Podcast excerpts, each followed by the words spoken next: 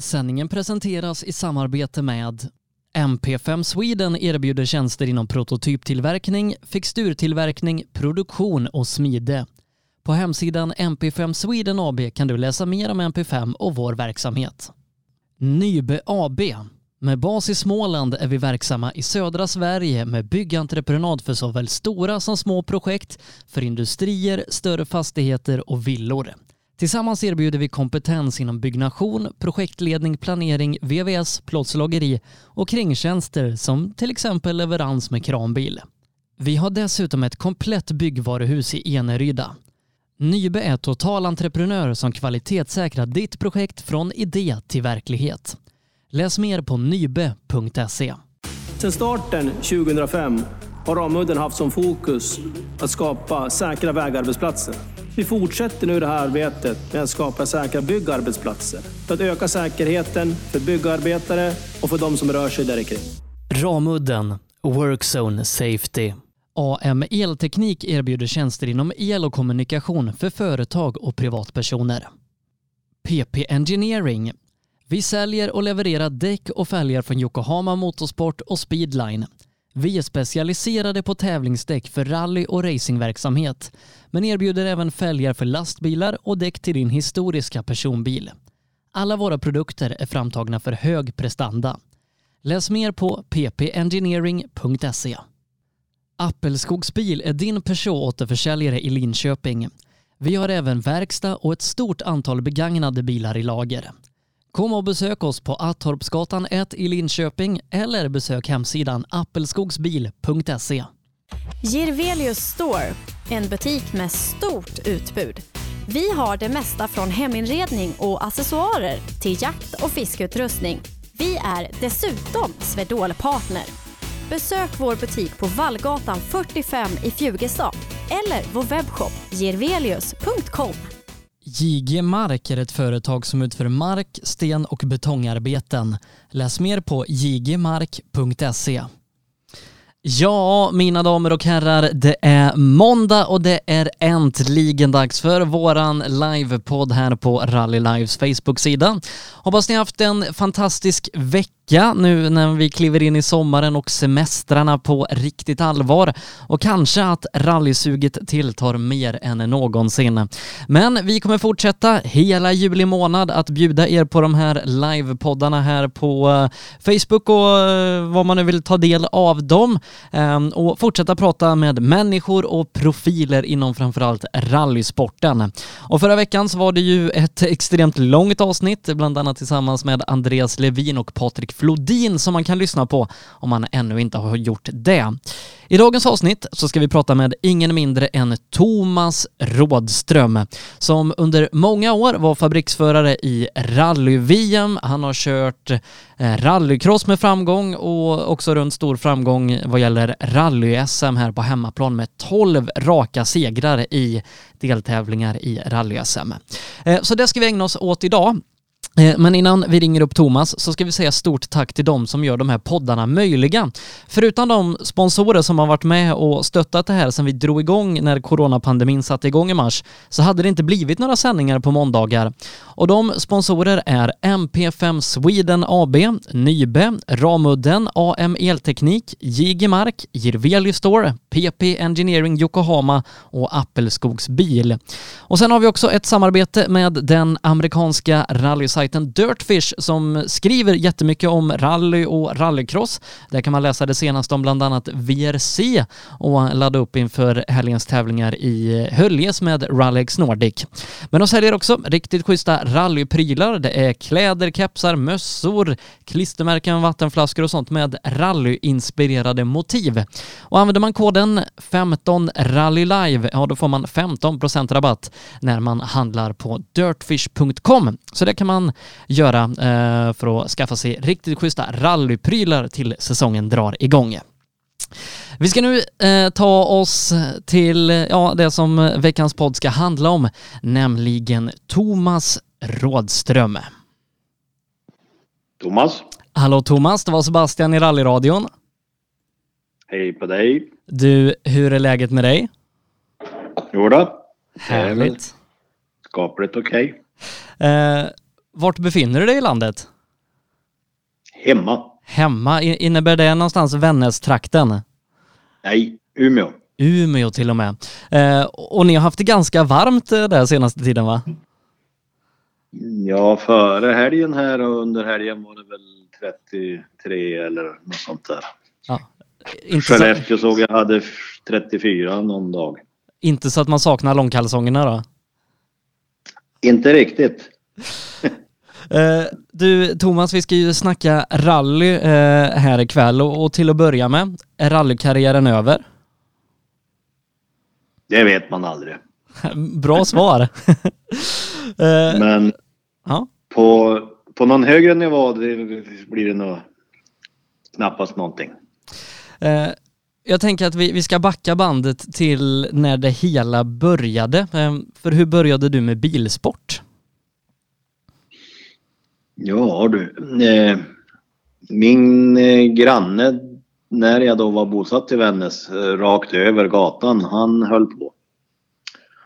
Och eh, hans eh, äldre son, vi var ju nästan jämnåriga så det blev väl per automatik att följa med lite när det var, skulle testköras och, och så. Så det var väl egentligen så det hela startade. Jag har hört någonting om att du lånade mammas bil lite grann när du hade tagit körkort. Ja, det var ju då eh, på lördagen. Jag tror att jag körde upp på tisdagen. Och så då skulle man ju köra debutanttävling och då lånade jag mammas Volvo 140. V- vad tyckte mamma om det? Mm, Ja, när hon kom ut då på morgonen om det var snöskottning eller vad det var, för det här var ju då i kallaste januari. Så då var ju båda bakskärmarna intryckta. Så att det var väl ingen höjdare riktigt. Men eh, efter det så, så gick det bra. Ja, det blev en debutanttävling till då. Man skulle ju köra två innan man hade licensen så att eh, det var väl så det började. Och eh, när du då... I rallyskogen ska jag väl säga. Sen körde jag ju gokart en massa år innan och motocross och snöskoter och allt som rördes framåt. Blir det så när, när man kommer inom citationstecken från, från ett mindre samhälle och har motor liksom intresset att ja, men det är det man gör? Ja, visst är det väl så. Sen fanns det ju en väldigt aktiv motorklubb i Vännäs då. Som körde ju bland annat den andra rallycross-tävlingen i Sverige 1972 efter Hedemora. Och ja, det var ju både rally och, och, och rallycross och, och långt, långt innan folkrace och sånt eh, kom med i bilden.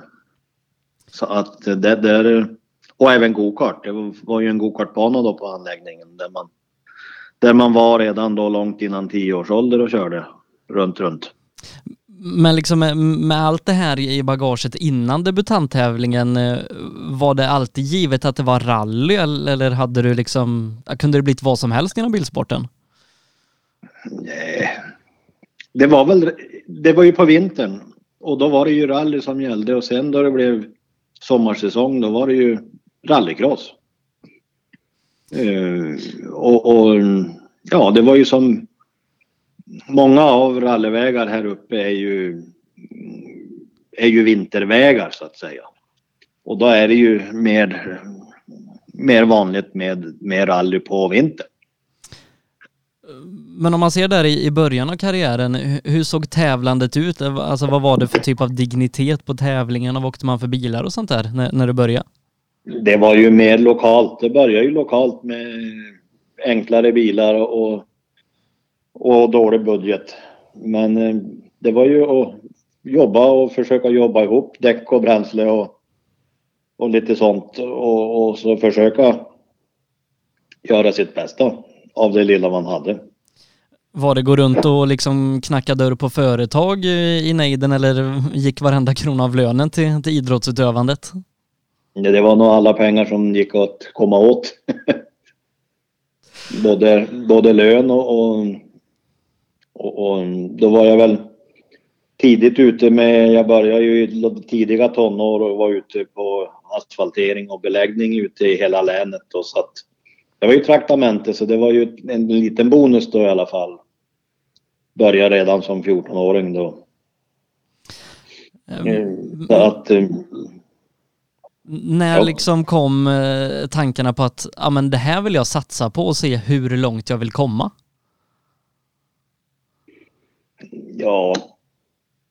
Just inom rallysporten så måste jag väl nästan säga att det var eh, Anders Kulläng fanns ju med i den där bilden för att även då jag hade hållit på ett antal år så så körde man ju rally på vintern och så körde jag rallycross på sommaren. Med två olika ekipage. Och eh, eh, när jag var nere då på en, någon typ av juniorlandslagshistoria som då var ganska aktiv på den tiden. Så då mm, hade jag väl lite framgångar haft i rallycross och varit med i lite A-finaler och grejer i SM. Men eh, rallyt var ju bara på vintern. Ja, vi åkte ju aldrig några sommartävlingar då på grund av att då var vi upptagna av rallycrossen. Och så var jag nere där en vinter och då tyckte väl Anders att jag absolut skulle ge rallyt en chans. Och så blev det. Ja, eh, och, och från eh, liksom det då att köra rally eh, ganska lokalt på vintern hemma, rallycross på sommaren till att satsa då fullt ut på rally. Hur såg liksom det ut där i början? Ja. Det var väl och givetvis då som nu och som det kanske alltid har varit att, att orka få ekonomi för att hålla på. Eh, så det var ju ett, eh, även om det var, det fanns ju inga datorer och mobiltelefoner från början där men, men eh, på något vis så var det väl gula sidorna i telefonkatalogen och jag fick tag på en, en sponsor faktiskt så att eh, jag började kunna växla upp tävlandet lite grann. Vad var liksom nästa naturliga steg om om man ska se inom rally då mm, för dig eh, från det du var Ja, då, innan? var det ju, då var det ju att skaffa, då var ju fyrhjulsdriften på tapeten givetvis och så införskaffade vi en, en Audi Quattro och mm, ja, på den vägen blev det. Eh, Men, men fanns det någon plan då? Men vi, nu är det liksom SM och sen så prova internationellt eller tog man allting som, som det kom och vad plånboken räckte till? Ja, nej men jag hade ju då förmånen att uh, få bli med i juniorlandslaget och i rally och redan i slutet på 80-talet där så var det ju meningen att det var, jag kom så väl ihåg, vi skulle åka Sydsvenska men då tyckte Kulläng att om du står över Sydsvenska så får du bli med till Skottland helgen efter. Och det var ju lite tufft att inte starta på Sydsvenska då för det skulle ju ha blivit premiär för min del då.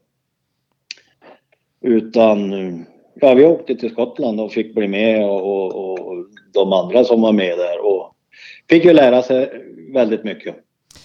Och Och, sen var ju då rallysvängen egentligen igång på riktigt. eh, och om, vi hänger kvar lite vid Skottland, hur, hur var det att eh, från att eh, kanske inte har kört rally på, på så jättehög niv- nivå innan och så helt plötsligt åka ut utomlands? Det var ju väldigt mycket nytt. Eh, eh, jag tror väl nästan att det var inte helt första gången på noter men det var väl första riktiga större tävling på noter och då blev det ju att få tag på någon co-driver. För han som hade suttit vid min sida lokalt härifrån han, han hade ju ingen erfarenhet och då tyckte ju Kulling igen där att vi måste ju ha någon lite mer erfaren och på den vägen blev det. Vem var det som, som åkte med då, eh, de här åren? Eh, ja, då åkte Thomas Hallberg med som då var ordinarie kartläsare till Henrik Morin från Norrbotten. Var det lärorikt eh, att- komma till Skottland? Ja, ja, det var det ju absolut. Så, så var det väl lite, lite tuffare vägar bitvis där uppe än vad det var i Sverige. Så att det, det, var ju lätt att, att köra punktering och köra sönder materialet. Och, så att, eh, och största problemet på den där tiden det var väl att inte gasa utan att använda huvudet. Um, var du inte i Tyskland samma år också och, och körde någon tävling? Jo, jajamensan. Um, det var också de juniorlandslaget. Pratar vi grus eller asfalt då? Ja, det var väl mest asfalt, men det var ett antal gruspartier och, och, och i det, det var ju då, det hette ju Rally Deutschland redan då. Ja, det, det är det som alltså, blev VM-tävlingen sen? Ja, jag exakt vet inte på metern, men, men eh, stora delar av det var ju med. De här eh, Hinkelstein och Baumholder-sträckorna och det gick med då även då. Eh, och efter att ha då kört majoriteten på, på snö och is och givetvis lite grus eller asfalterfarenhet från rallycrossen, men hur var det att köra en, en asfalttävling? Ja, det var ju också lärorikt och där kom jag ihåg om det var slutet på en dag så då la ju styrskärvan av givetvis och på den tiden var det ju inga inga regler på maxbredder på däck utan det var riktigt breda hjul och det gick väldigt tungt. Eh, men vi kom i mål i alla fall. Eh, och ser man sen året efter då, eh, junior-SM tror jag det, det, var som, som du väl tog silver i? Ja, det stämmer nog. Det var nog kring Karlstad någon tävling, någon sommarrally. Ja. Faktiskt. Och, och sen så gick det väl ännu bättre till, till året efter för då tror jag du blev svensk mästare för juniorer.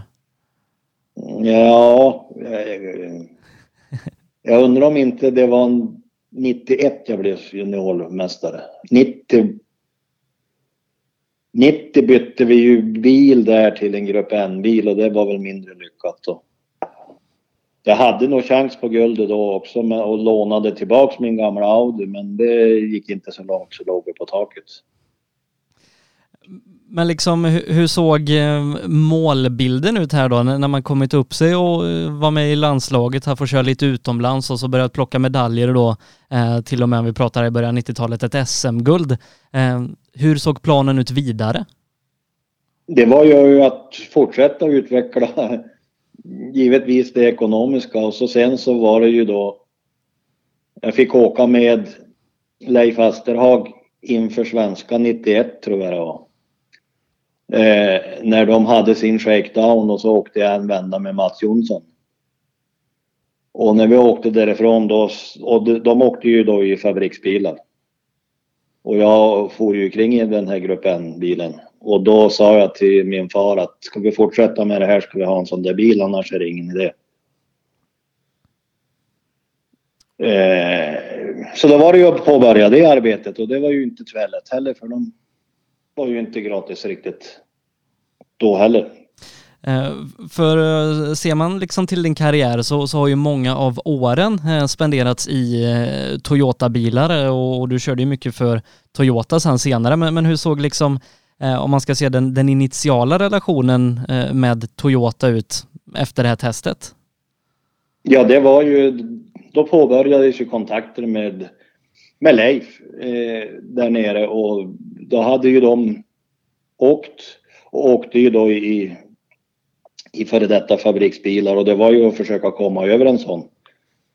Och det lyckas vi ju då till slut skrapa ihop en budget för det för att teamet var ju redan besatt så det var ju liksom inte att uh, försöka knuffa undan någon av de erfarna utan det var väl vackert att skaffa egna grejer och så göra så gott det gick. Och um, du kör ett, ett, par år, är det, är det SM i Toyota de, de första åren uh, innan uh, 94-95 där? SM, ja det var ju SM då i första hand och så mycket lokalt och sen åkte jag faktiskt väldigt mycket i Finland. Eh, det gick att få, dels hade vi ju färjan över här från Umeå. Eh, och eh, man fick ju support utav arrangören, man fick startpengar. Så det räckte ju till ja, men resor och man fick boenden utav arrangören och man fick ersättning så det räckte ju till ibland både däck och bränsle. Eh, så att det bedömer jag var en lärorik eh, eh en lärorik eh, grej att nyttja Finland då och de hade fria däck. som inte det var i Sverige just då tror jag. Och sen så var det ju eller det var noter, det var, man fick göra sina egna noter vilket var ju då utveckling i rätt riktning. Så att redan 92 på Menterallyt som var ju då en sån där förvärmare inför, inför Jyväskylä så då var jag på pallen därefter. Jag tror Marco Allén vann och Tommy tvåa och jag var trea. Så det var ju, då fick man ju nosa på att det kanske är så här vi ska fortsätta, försöka fortsätta. Men var liksom de här åren målen att samla erfarenhet från ja, REK, större tävlingar? Eh, eller var det att satsa på, på ett mästerskap, att försöka bli svensk mästare i kombination med det du nämner i Finland? Ja, det var ju att fortsätta och lära sig och utveckla och få så mycket erfarenhet att köra bil. Eh, och så givetvis parallellt då ha finans för att kunna hålla på. Och, och, ja, det var ju lika mycket jobb med det som att hålla igång bilen. Och så fick man lära sig mycket kring, kring bilen och dess inställningar och grejer och, och ja. Det var ju som en, en ganska bra grundkurs eller grundskola fast man hade börjat långt innan men det utvecklades ju med materialet alltihopa så att och så ökar ju farten givetvis med häftigare bilar. Ser man till eh, Svenska rallyt 94 eh, som inte ingick i, i, VM det året så, så vinner du ju eh, och det är ju ett tufft rally.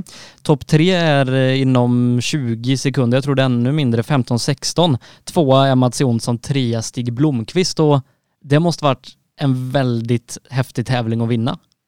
Ja, ja det var det ju. Det var ju, det var ju någonting som då öppnade upp ytterligare möjligheter för för framtida körningar och, och, och även utvecklingar och, och eh, eh ja det var ju det var ju egentligen den hu huvudsakliga dörröppningen för att sen få komma sig vidare, vidare ut.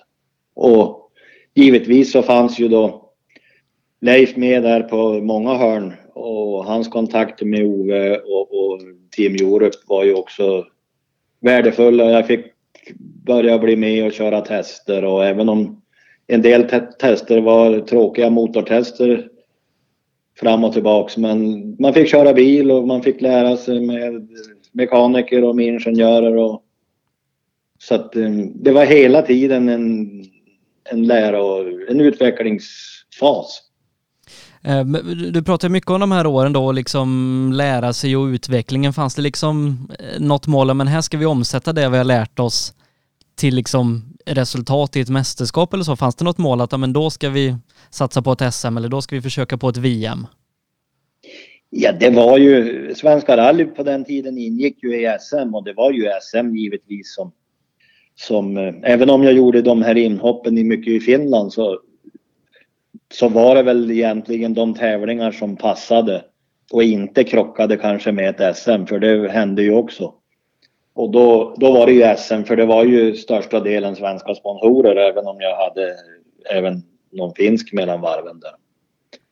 Så att eh, det var väl egentligen SM då något en par år där som, som gällde. Och SM måste varit väldigt tufft på den här tiden. Dels då med, med återförsäljarteam och, och många förare som ja, Stig Blomqvist åkte ett par år i VM, Mats Jonsson vann ju två VM-tävlingar så det var ju hög internationell klass på förarna och inte bara teamen och bilarna. Nej, det, det var ju, det var också då en, en bra, vad ska man säga, jag menar när jag då fick eh, eh, börja och köra helt för Toyota till 95 då så var ju redan Gullabo med i teamet sen året innan. Och, och det var ju då en, en teamkompis som eh, visste vart gasen var. Eh, så att det trissade ju upp oss båda, skulle jag förmoda. Och sen var ju Stig med. Och ja, det var ju Per Svan med i den bilen. Eller i en likadan. Och, det var väl ett gäng master och det var, nej men det var bra nivå på SM. Och, och man, på SM-tävlingarna så ibland när det var sekundfighter så ökar ju farten. Eh, Gick det om, om man ser de här åren i SM när ni var många återförsäljarteam och, och världsklass liksom på, på förarna. Gick det som, som privatist med, med en egen bil att, att vara med och konkurrera eller hade man en fördel att, att vara med i ett team kopplat till en återförsäljare och en fabrik? Ja, så eh, har det nog kanske alltid varit.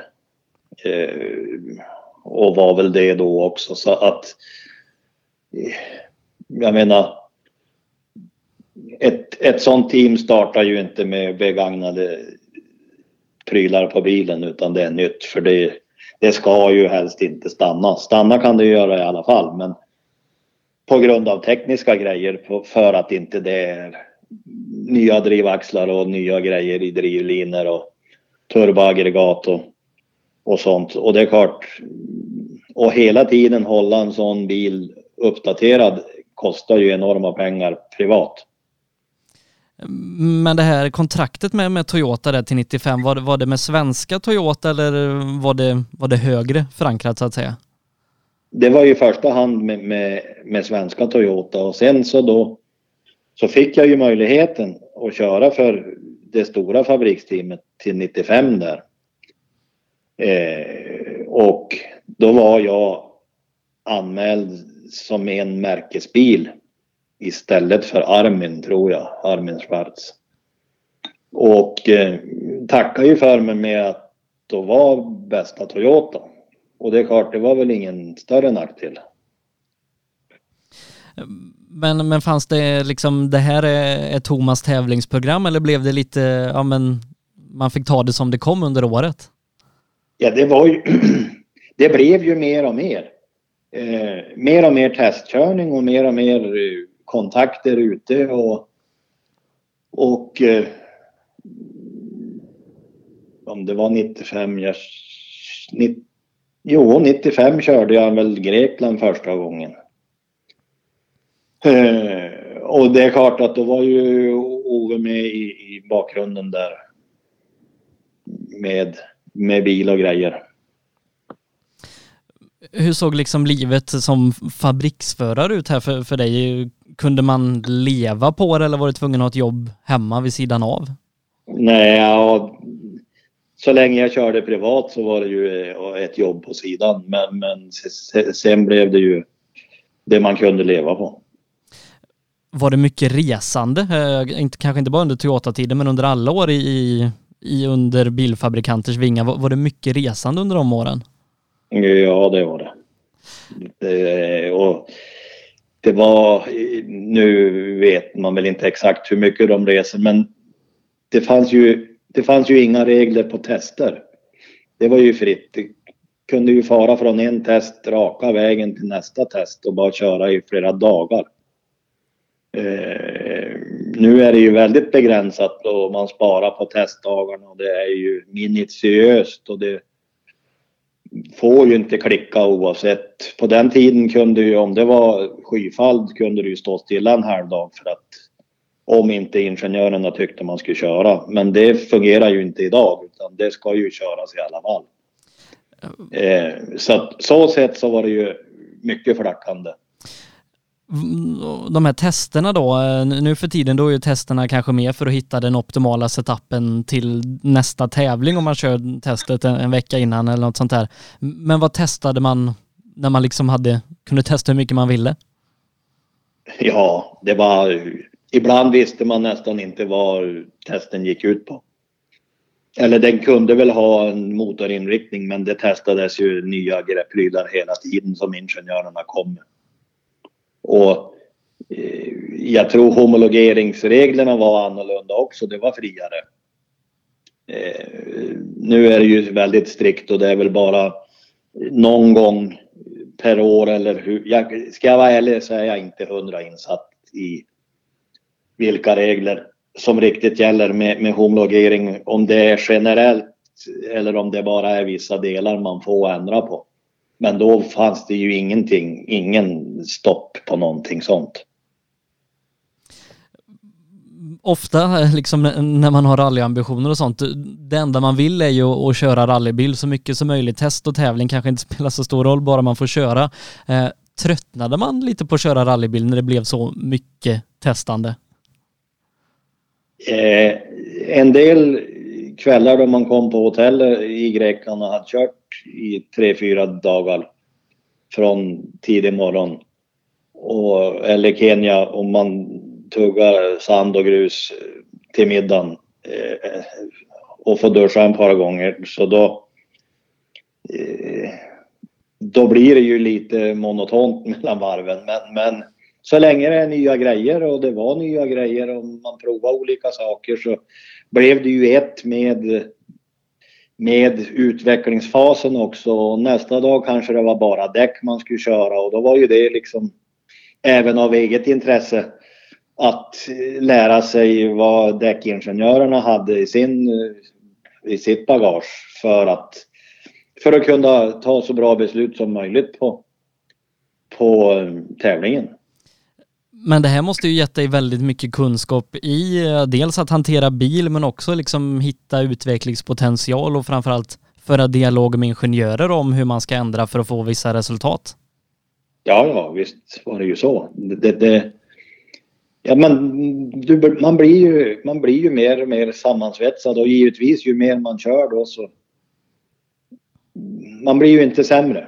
Eh, utan du blir ju du blir ju ett med och, och ibland så kan det ju visa sig att på något underlag så fungerade inte inställningen på någon av diffarna runt lika bra som man, som man hade på förra testen och man fick gå tillbaks och så då tog det en halv dag och, och, och mm, ändra på det konceptet och så blev man nöjd och ingenjörerna nöjd och ja så där pågick det ju hela, hela tiden.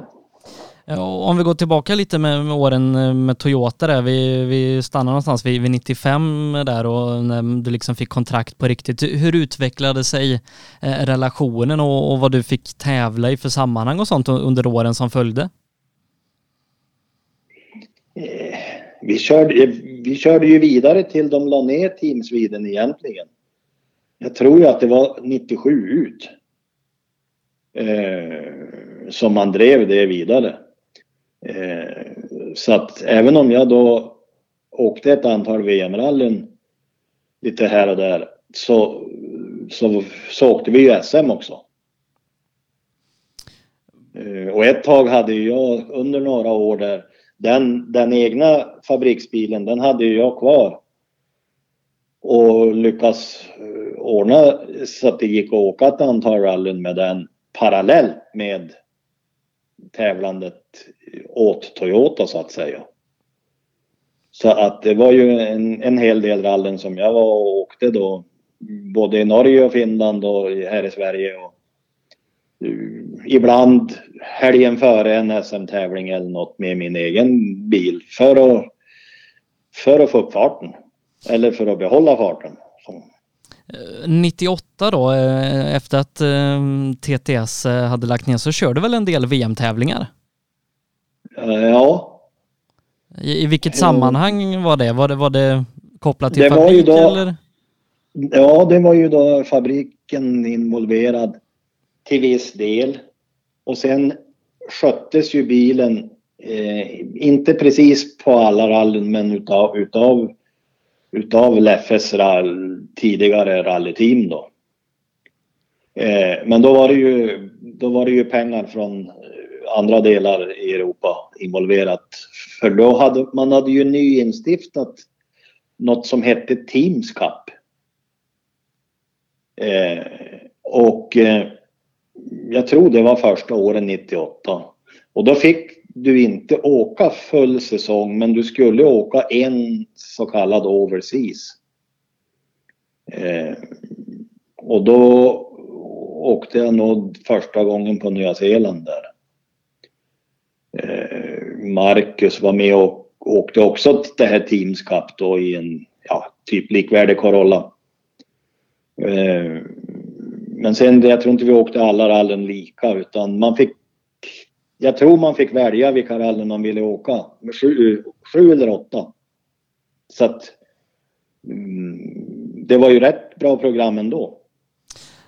Och eh, liksom hur var det att, att ha ja, men VM som huvudfokus en säsong efter att kanske haft Sverige eh, och, och Norden som huvudfokus innan? Ja, det, det, det gick man nog inte att fundera så mycket på då utan det gick väl av bara farten. Eh, och, och, och eh, eh ja, eh, ja då var det ju, då var det ju mer det som, som gällde. Eh, och då var det ju i siktet att givetvis få sätta sig som en he heltid i, i ett team. Och det gick väl, om man ska säga om det var ambitionen, så, så gick det väl ganska bra med den ambitionen till året efter? Ja, jag fick faktiskt en förfrågan att köra för Ford till Teams Cup 98. Eh, då hade ju inte fokusen kommit och det var ju då med en eskort. Eh, och, men jag stannade kvar i Toyota. Eh, och körde då det året ut. Och sedan när jag var på väg på RAC och precis klev av på Arlanda eh, och slog på telefon så då ringde Malcolm Wilson. Och då svarar man va? Då svarar man. Jag visste nog inte att det var hans nummer som ringde men det var ju ett plus 44 så att jag svarade. Och eh, visst, han visste väl att jag skulle till England så han ville träffas. Och den vägen blev det. Eh, så till 1999 då så, så sitter du i Ford eh, som till det året lanserar Fokusen och det är en ganska stor, stor satsning man gör. Man plockar in Colin McRae, världsmästare då 95 på ett av de största kontrakten eh, eh fram tills då i, inom rally-VM och ja, eh, hur tror du det kommer sig att, att du hamnade jämte Colin McRae i, i Ford det året? Eh, det var väl att det hade gått då relativt bra under det här Toyota-året. Det var ju en, någon tävling det, det stannade men vi vann då där på Nya Zeeland och undrar om inte också i Finland. Jag vet fan, man minns inte riktigt. eh, svenska gick ju väldigt bra till det slutade i, i snödrivan och motorhuven for upp.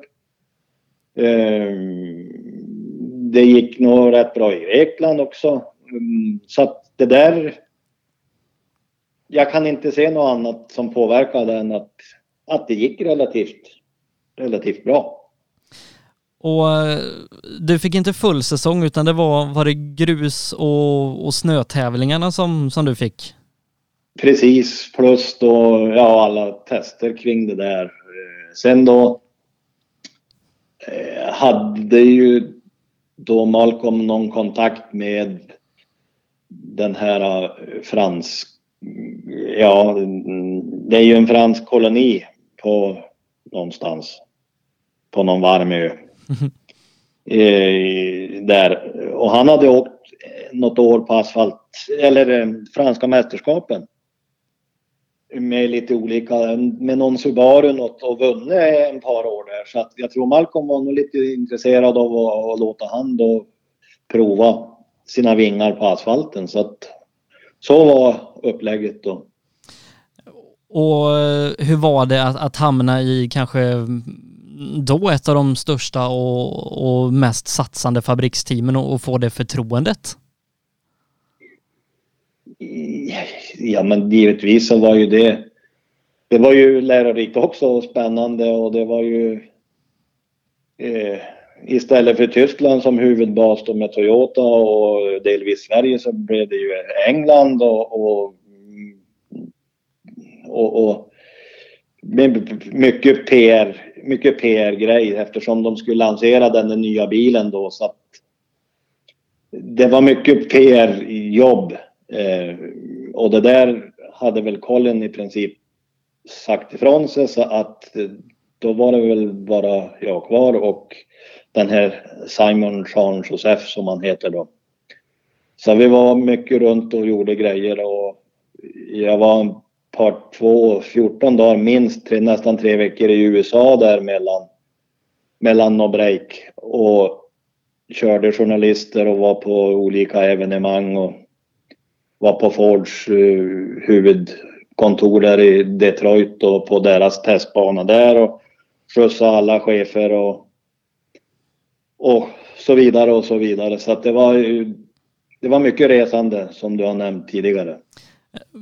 Men om man liksom sätter det i perspektiv från att ha kört debutanttävling med, med mammas Volvo och slått in bakskärmarna till att man sitter i kanske det största fabriksteamet eh, och, och får göra sånt här. Det, det, är en väldig resa och uh, man måste liksom se tillbaka på det med att man har kommit ganska långt och vara nöjd och stolt med det eh, fram till ja, den punkten. Ja, visst.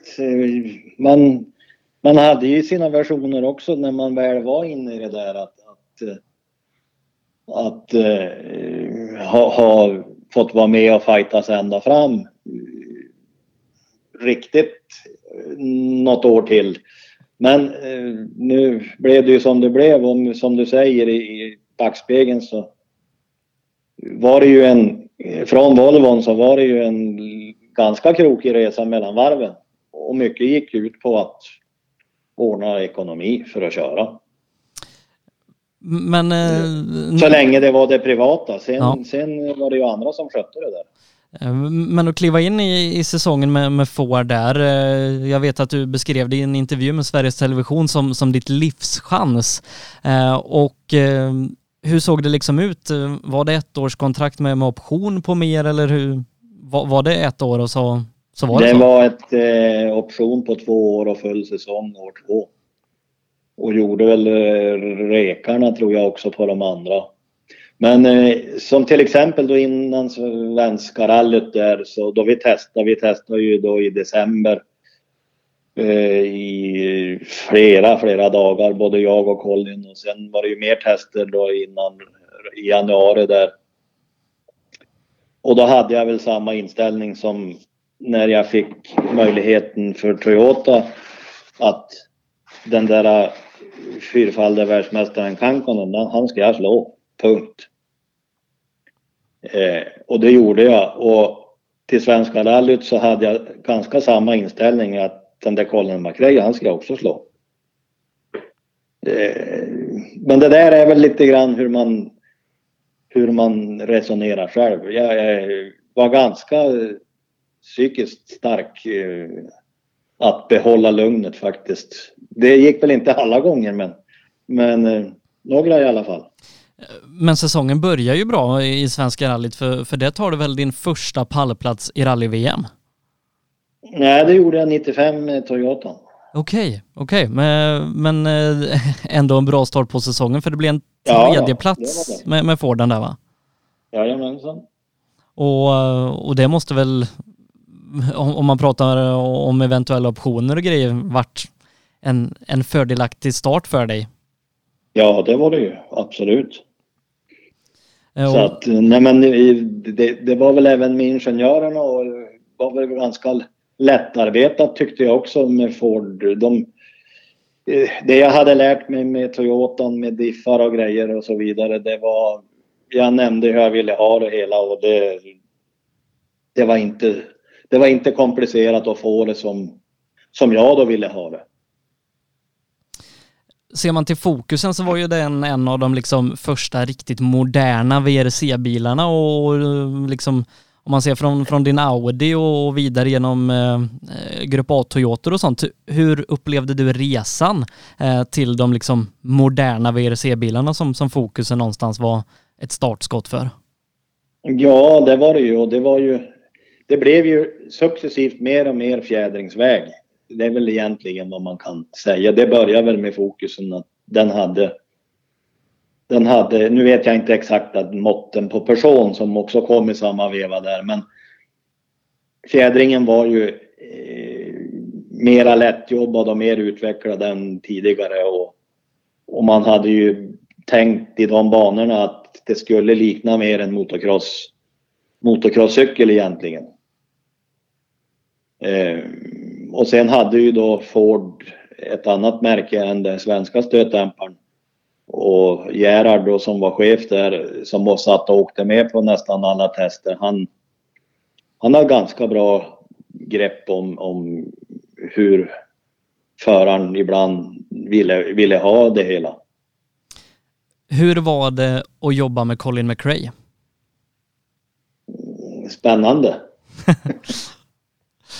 uh, liksom, uh, var din roll att stötta upp honom uh, eller hade du, hade du frihet att, att slå honom så att säga?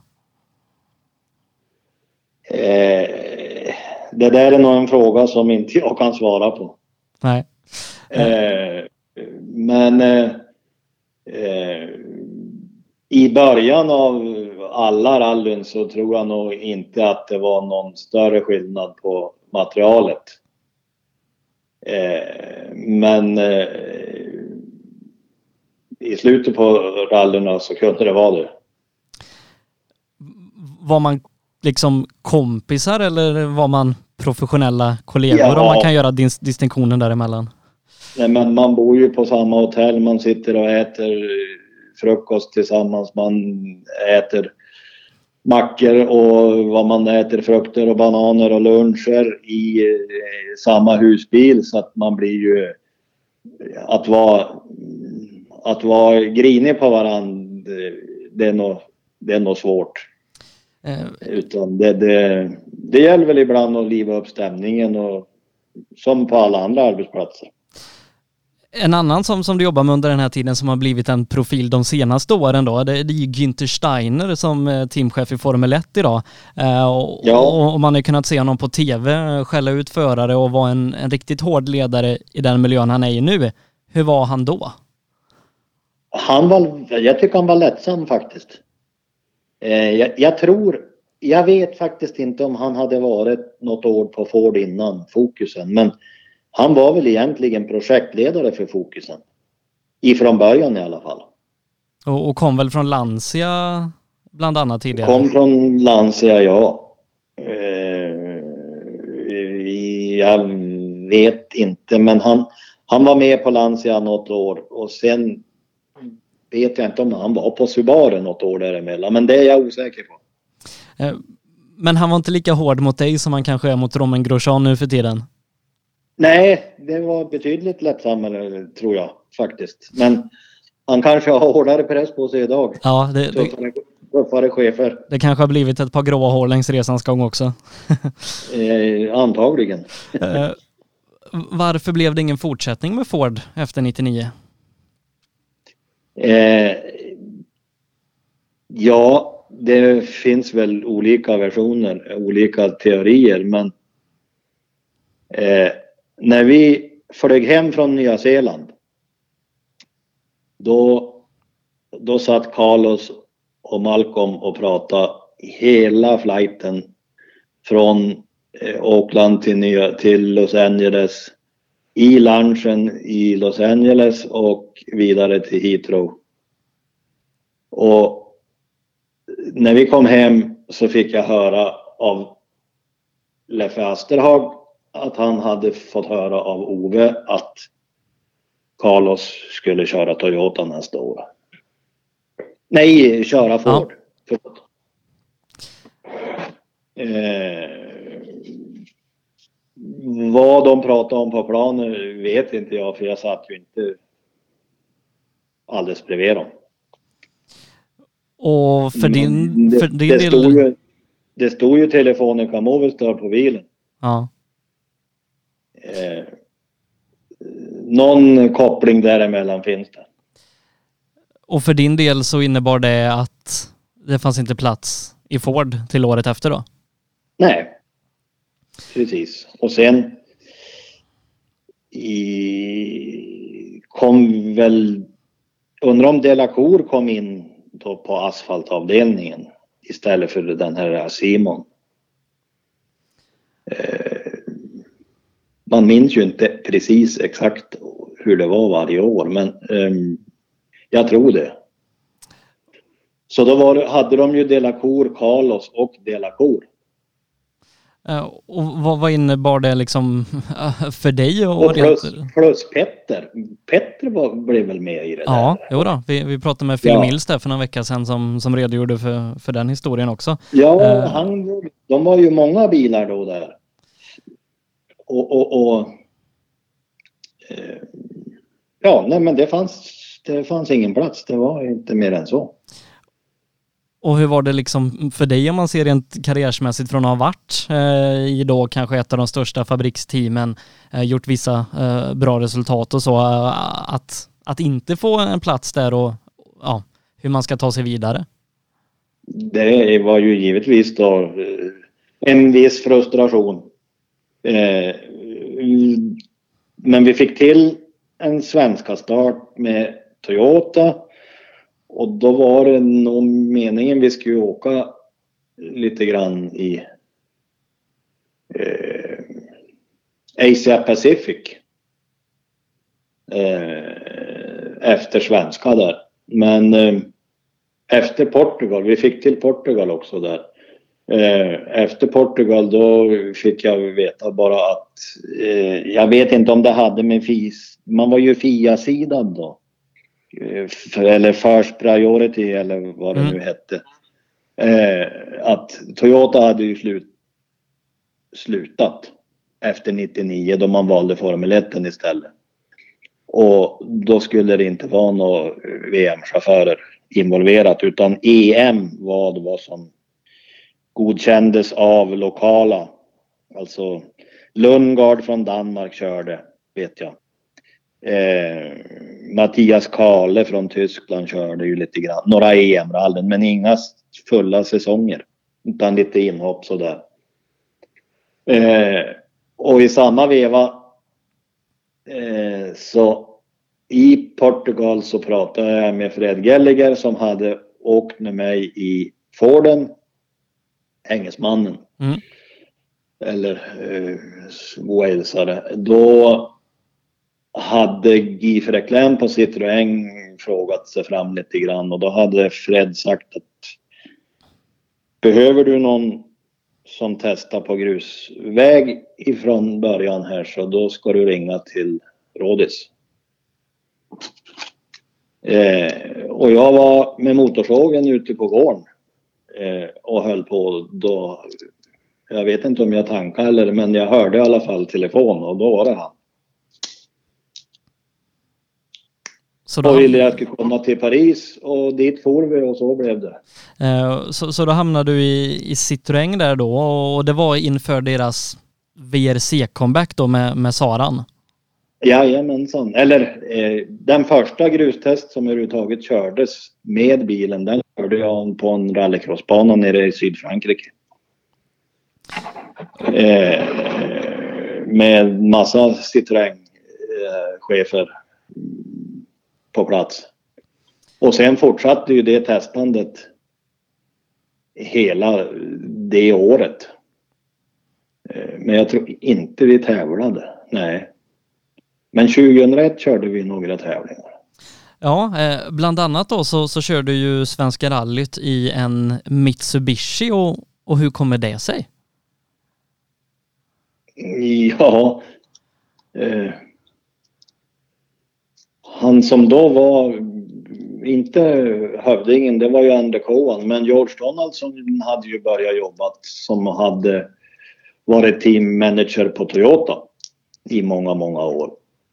Och eh, ja, men vi hade väl en allmän dialog och kontakt och då ringde han och frågade om den för jag hade ju, då hade jag ju ett, ett kontrakt redan innan, innan jul inför 01 med Citroën då. Och då frågade han mig om det var möjligt att jag kunde få köra och det ville jag ju.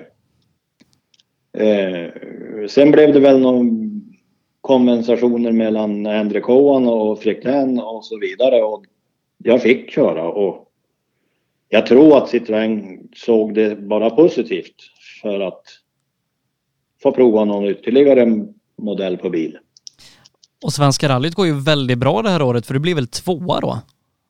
Ja, jajamän, jag och Tina. Eh, och det är väl din bästa placering i en VM-tävling? Ja, jajamän så eh, fördes det ytterligare diskussioner om kanske att fortsätta med, med Mitsubishi efter det här eller var det huvudfokus på att utveckla Citroën? Det var, det var tänkt eh, Jyväskylä. Det var vad André Kohn sa direkt efter målgång. Eh, men det blev inte Jyväskylä. Utan då blev det en annan finsk chaufför som hade några skyltar på bilen. Men under då eh, stora delar av, av 2001 så, så utvecklar man och, och testar fram den här Saran och det gör väl något inhopp i en tvåhjulsdriven kitkorbil också? Jajamän. Vi, vi körde nog Grekland också 01 med den här riktiga bilen. Men, och enormt mycket tester. Hur var det, om man bara ska se till, till Citroën Saxon där som jag tror du kör i, i Portugal, efter då eh, en bra bit över tio år i fyrhjulsdrivna bilar och hoppa till en tvåhjulsdriven? Ja, det var... Tina var ju med då också. Det var ju, en, det var ju inte planerat men eh, vem var det som körde den där bilen? Eh, Puras tror jag ju att han hette.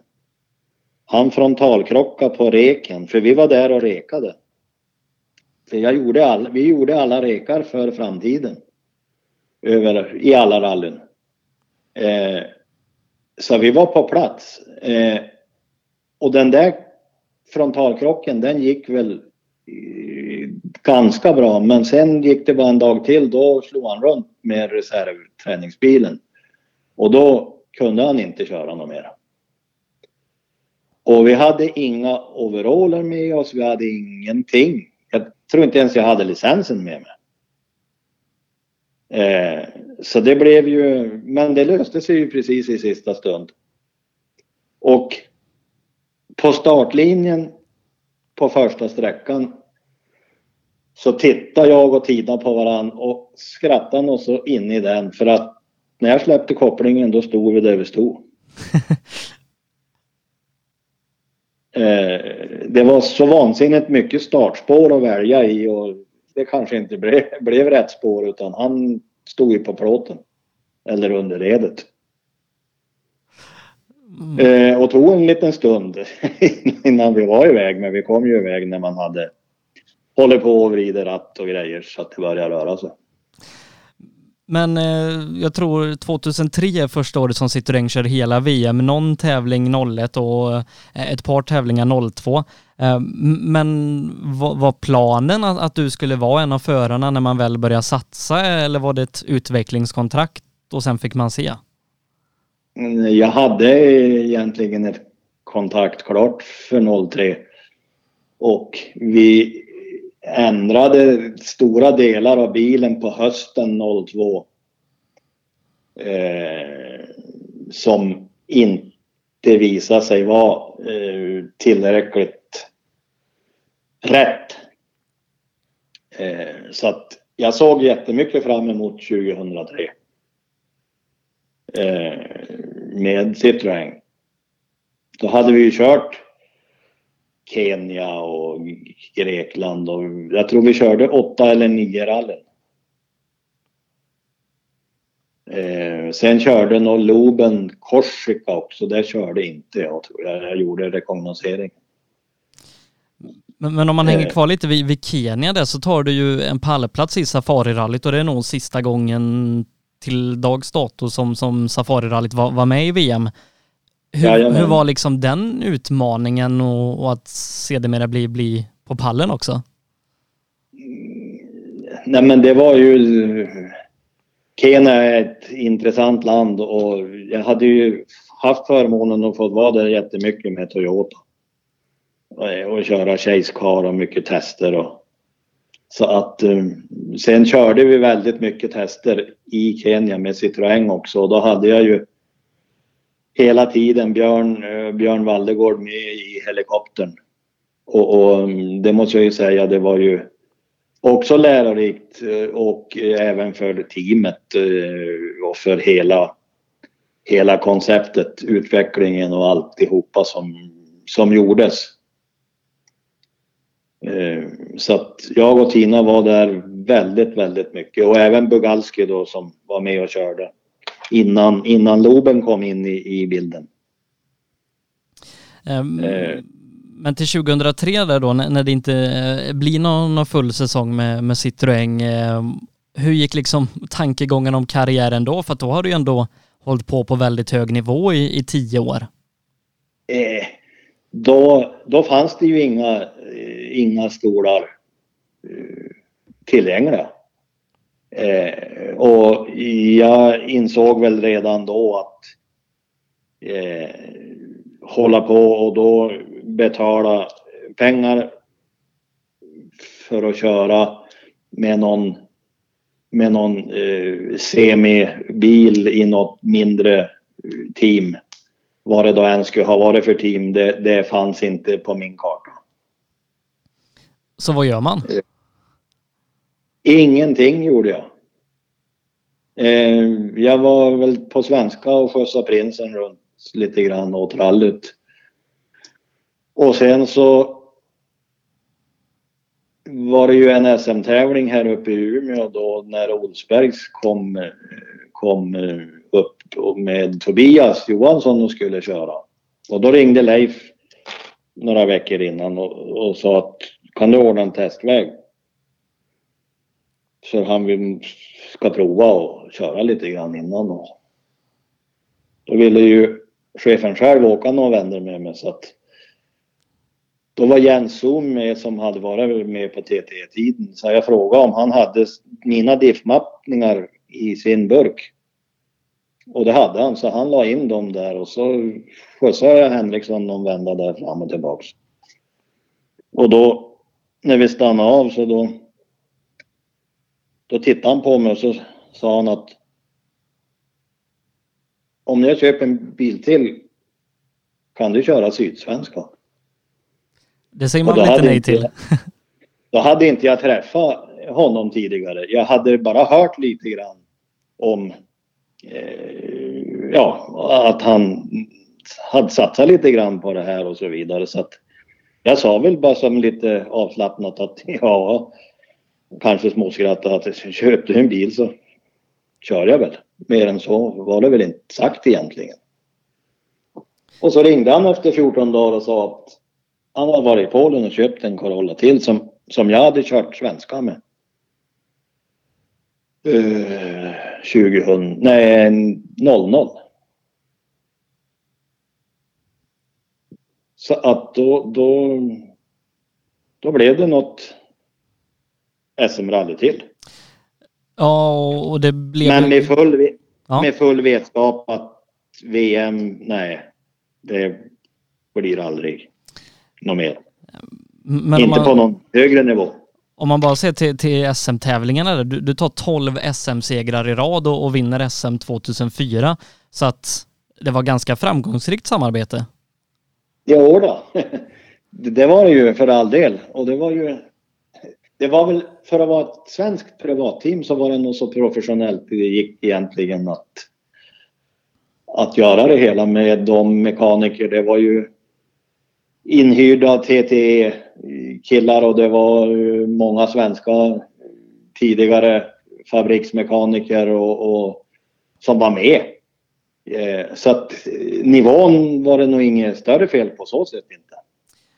Men när man som du då eh, liksom varit fabriksförare i VM och tagit sträcksegrar och stått på pallen, hur är det att komma tillbaka till Sverige och SM och kanske framförallt med, med motivation?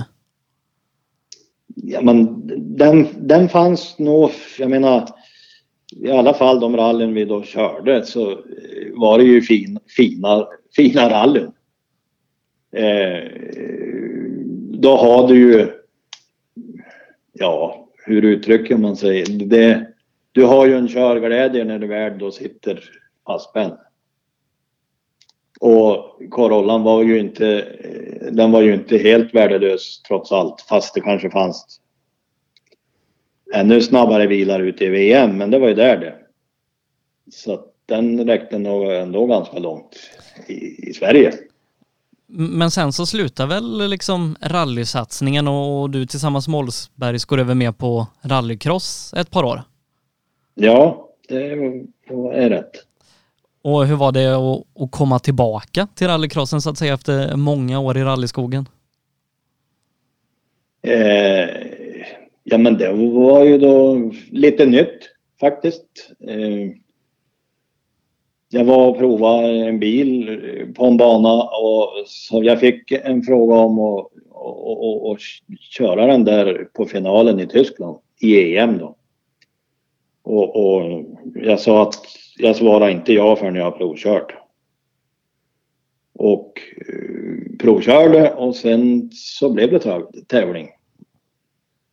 Och, och eh, eh, gick väl både sådär si och så men jag lyckades ju vara först ut i B-finalen en bit till transmission la av. Och då tyckte väl Henriksson att skulle vi inte ha provat med det där? Lite grann. Och så på den vägen blev det. Och, ett tag. Eh, ett par år där då i, i rallycrossen och också ett par återfall i rallyskogen. Jag tror det är 07 man kör Svenska rallyt i Subarun. Och så för... 06. 06 till och med. Eh, ja, jag fyllde 40 den då, det året. Eh, och så 2014 så gör du ju comeback tillsammans med Petter Solberg i SM-sprinten på, på hemmaplan. Och hur, hur blev det till efter, efter så många år eh, ifrån aktivt rallytävlande? Jag var väl involverad lite grann i, i frågor från Visit Umeå som det heter eh, tillsammans med då motorklubben som jag är med i och, och ja, hur skulle det där gå till? Och, och, ja, det var lite möten och lite hit och dit och då det där började närma sig så tänkte jag väl att plus att jag fick lite andra som faktiskt erbjöd sig att vad kostar det att ta upp en bil? Och så började jag titta och då var det väl Petters lösning som var det eh, egentligen det enda praktiskt möjliga. Eh, och då föll det ju så väl ut att han också kunde komma. Och då när jag slog han en signal så sa han att då är det väl detsamma jag tar två med mig när jag liksom ska upp. och, och, Petter vinner ju tävlingen men som reglerna var då, eh, de ändrade nu, så får eh, någon som inte har svensk licens då, fick inte då ta eh, SM-medalj. Eh, så att det blir ju att, att du blir svensk mästare i rallysprint på hemmaplan i en Citroën Sara. Ja. jag är nästan skrattat men det var ju det var en kul dag. Ja, och, och jag förstår att det, det, är mest en kul grej, men, men att, att få göra det på hemmaplan i en bil som du under flera år varit med och, och utvecklat, det måste ändå känts bra? Ja, då, absolut. Gav det någon mer smak? Eh, ja. Eh, vad det gäller körningen, ja, men när man vet vilket projekt det är att finansiera saker och ting så då känns det som att om man har passerat 50 så, så eh, kanske inte energin finns till sådana där projekt på samma vis som när man var 20. Hur ser liksom eh, dina motorengagemang ut idag? Finns det något eller följer du det bara på, på avstånd?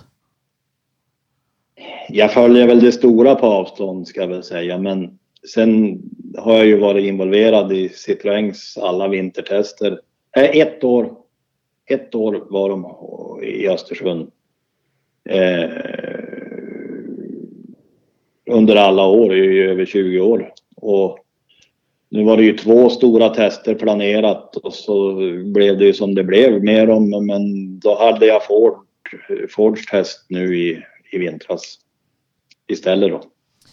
Så att jag har ju kontakterna kvar och, och får ju följa lite grann utav vad som händer och sker med bilar och dess utveckling. Och, och eh, ja, ställer jag en fråga till någon ingenjör som jag känner lite grann så får jag ju då ett vettigt svar. Så det, är väl, det är väl lite intressant mm, att ändå ha en distansvetskap. Eh, följer du liksom tävlandet i, i Sverige och på SM-nivå nu när vi, vi rör oss ganska mycket i dina trakter Vännäs i år och um, vi drar oss ja, ännu mer norrut nästa år? Ja, jag har inte varit involverad sista åren här, men jag var ute och tittade på några bitar. i vintras. Och, och, och nej, men det, det, det kliar faktiskt inte som en del tror. När Citroën var här med en prototyp en, en tidig höst. Vi hade nästan dåligt med snö som de ville köra. Nej, vänta, det var en sen vår. De var mer än ett år i förväg med första prototypen nummer 001 utav DS3 där. Och den stod i verkstaden i två dygn när lastbilarna kom. Men jag öppnade inte ens dörren och tittade in igen. Nej. Men... För jag vet att den där ska inte jag köra i alla fall. Men, men om man då ser eh, till, ehm, till att du ja, var, var och tittade på, på rallyt i Vännäs här i, i år och ehm, med din eh, erfarenhet och, och bakgrund i SM, hur ser liksom du på, på SM eh, nu då som, som har upplevt en berg och dalbana ehm, som alla mästerskap gör, men, men någonstans har pekat mycket uppåt senaste åren med, med återförsäljarteam, med Eh, Kristoffersson, Ekström och den typen av förare. Hur liksom ser du på mästerskapet som det är nu? Nej men eh, det är ju lite svårt från snödrivan att bedöma men, men eh, det är ju, det är ju duktiga chaufförer med vad jag tror ganska likvärdiga grejer. Så att det, den fart de far fram i är nog bra nivå på. Mm. Är vad jag då i alla fall får för mig. Eh, många av dem kör ju ganska mycket och mm, här nu sist så var det väl Adelsson här. Ja. Som, mm, han stack väl ut lite grann faktiskt eh, i hela fältet. Även om de andra kör ju väldigt, väldigt bra men han, han vann väl i princip alla sträckor. Ja. Vad jag, vad jag då minns. Eh, Ekström, ja, Ekström tog någon tiondel på någon sträcka, men annars var det, det var Adilssons ja. tävling så att säga. Eh, min, min, sista fråga är en eh, lite filosofisk och, och, kanske svår så, men om du med den kunskap och vetskap du har idag fick ge dig själv ett råd i slutet av 80-talet, vad skulle det vara då? Oj, i slutet av 80-talet. Liksom eh, när, när du började satsa på riktigt där och fick ett råd av dig själv från framtiden. Vad, vad hade du gett dig själv för råd? Eh, att jag skulle ha klivit av rallycrossen tidigare. Mm. Eh, för att eh, koncentrera mig än mer på rallyt då. Men eh, då var det ju fast jag hade börjat få vara med ut och åka med Audin och det där i Eh, Skottland och Tyskland och, och, och SM och JSM och, och det där så åkte jag ju rallycross parallellt och det är klart, det störde väl lite rallyåkningen. Sen åkte jag sista rallycross-SM i... Då körde jag bara ett inhopp i Älvsbyn 89. Eh, sen blev det ju inte något mer. Men det var väl mer en kul grej. Men jag körde hela 88. Eh, så att jag skulle ha kanske klivit av ännu tidigare. Det är lätt att vara efterklok. Men, ja, det är vansinnigt enkelt. Eh, du Thomas, du ska ha jättestort tack för att vi har fått prata igenom din eh, rallykarriär eh, och önska dig en fortsatt trevlig måndag och en riktigt glad sommar. Och så hoppas jag att vi syns eh, i någon snödriva framöver igen också. Ja, Ja då. Du, har det fint. Tack så mycket. Tack så mycket. Bra, bra. Hej. Hej då. Hej. Ja, där mina damer eh, och herrar fick vi prata med ingen mindre än Thomas Rådström. Vi ska säga det innan vi avslutar att vi har ett samarbete med den amerikanska rallysajten Dirtfish eh, som skriver om rally, bevakar rally-VM och mycket annat, bland annat med Colin Clark och David Evans från VRC TV Autosport tidigare. Men de säljer också riktigt schyssta rallyprylar. Det är kläder och mössor och accessoarer med rallymotiv. Och du som lyssnar och ser det här kan handla där med 15% rabatt genom att uppge koden 15 rallylive. Och jag vill också tacka våra andra sponsorer MP5 Sweden, Nybe, Ramudden, AM Elteknik, Jigemark, Jirveli Store, PP Engineering, Yokohama och Appelskogs bil. Förutom de här företagen som har gått in och, stöttat det här projektet och, och trott på det från start så hade vi inte kunnat göra de här poddarna som vi nu har gjort i ungefär 15 veckor sedan coronan kom till Sverige och eh, ställde in i princip allting vad, vad hette rallytävling. Och vi kommer fortsätta hela juli ut tack vare stödet ifrån de här sponsorerna. Och vill man på, på något sätt fortsatt vara med och, och stötta det projektet så går det bra. Då kan man höra av sig till mig, Sebastian Borgert på Facebook eller sebastiansnablarallylive.se. Nästa vecka, då ska vi prata med en annan herre som varit ute i VM-cirkusen i många år. Dessutom blivit världsmästare två gånger, eh, juniorvärldsmästare då. PG Andersson är gäst i nästa veckas podd som sänds här samma tid, samma plats, samma kanal klockan 19.00. Missa inte det. Ha en fantastiskt skön vecka. Sköt om er, eh, fortsätt hålla distans och tvätta händerna och allt sånt där så syns vi eh, i en högersväng någon gång igen. Och inte minst här virtuellt och digitalt nästa måndag. Sändningen presenteras i samarbete med MP5 Sweden erbjuder tjänster inom prototyptillverkning, fixturtillverkning, produktion och smide. På hemsidan MP5 Sweden AB kan du läsa mer om MP5 och vår verksamhet. Nybe AB. Med bas i Småland är vi verksamma i södra Sverige med byggentreprenad för såväl stora som små projekt, för industrier, större fastigheter och villor.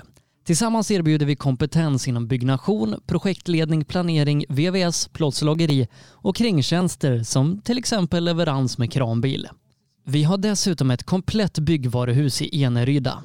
Nybe är totalentreprenör som kvalitetssäkrar ditt projekt från idé till verklighet. Läs mer på nybe.se. Sedan starten 2005 har Ramudden haft som fokus att skapa säkra vägarbetsplatser. Vi fortsätter nu det här arbetet med att skapa säkra byggarbetsplatser för att öka säkerheten för byggarbetare och för de som rör sig där kring. Ramudden Workzone Safety AM Elteknik erbjuder tjänster inom el och kommunikation för företag och privatpersoner. PP Engineering. Vi säljer och levererar däck och fälgar från Yokohama Motorsport och Speedline. Vi är specialiserade på tävlingsdäck för rally och racingverksamhet men erbjuder även fälgar för lastbilar och däck till din historiska personbil. Alla våra produkter är framtagna för hög prestanda. Läs mer på ppengineering.se. Appelskogsbil är din Peugeot-återförsäljare i Linköping. Vi har även verkstad och ett stort antal begagnade bilar i lager. Kom och besök oss på Attorpsgatan 1 i Linköping eller besök hemsidan appelskogsbil.se. Girvelius Store, en butik med stort utbud. Vi har det mesta från heminredning och accessoarer till jakt och fiskeutrustning. Vi är dessutom Swedol-partner. Besök vår butik på Vallgatan 45 i Fjugestad eller vår webbshop gervelius.com. JG Mark är ett företag som utför mark, sten och betongarbeten. Läs mer på jgmark.se.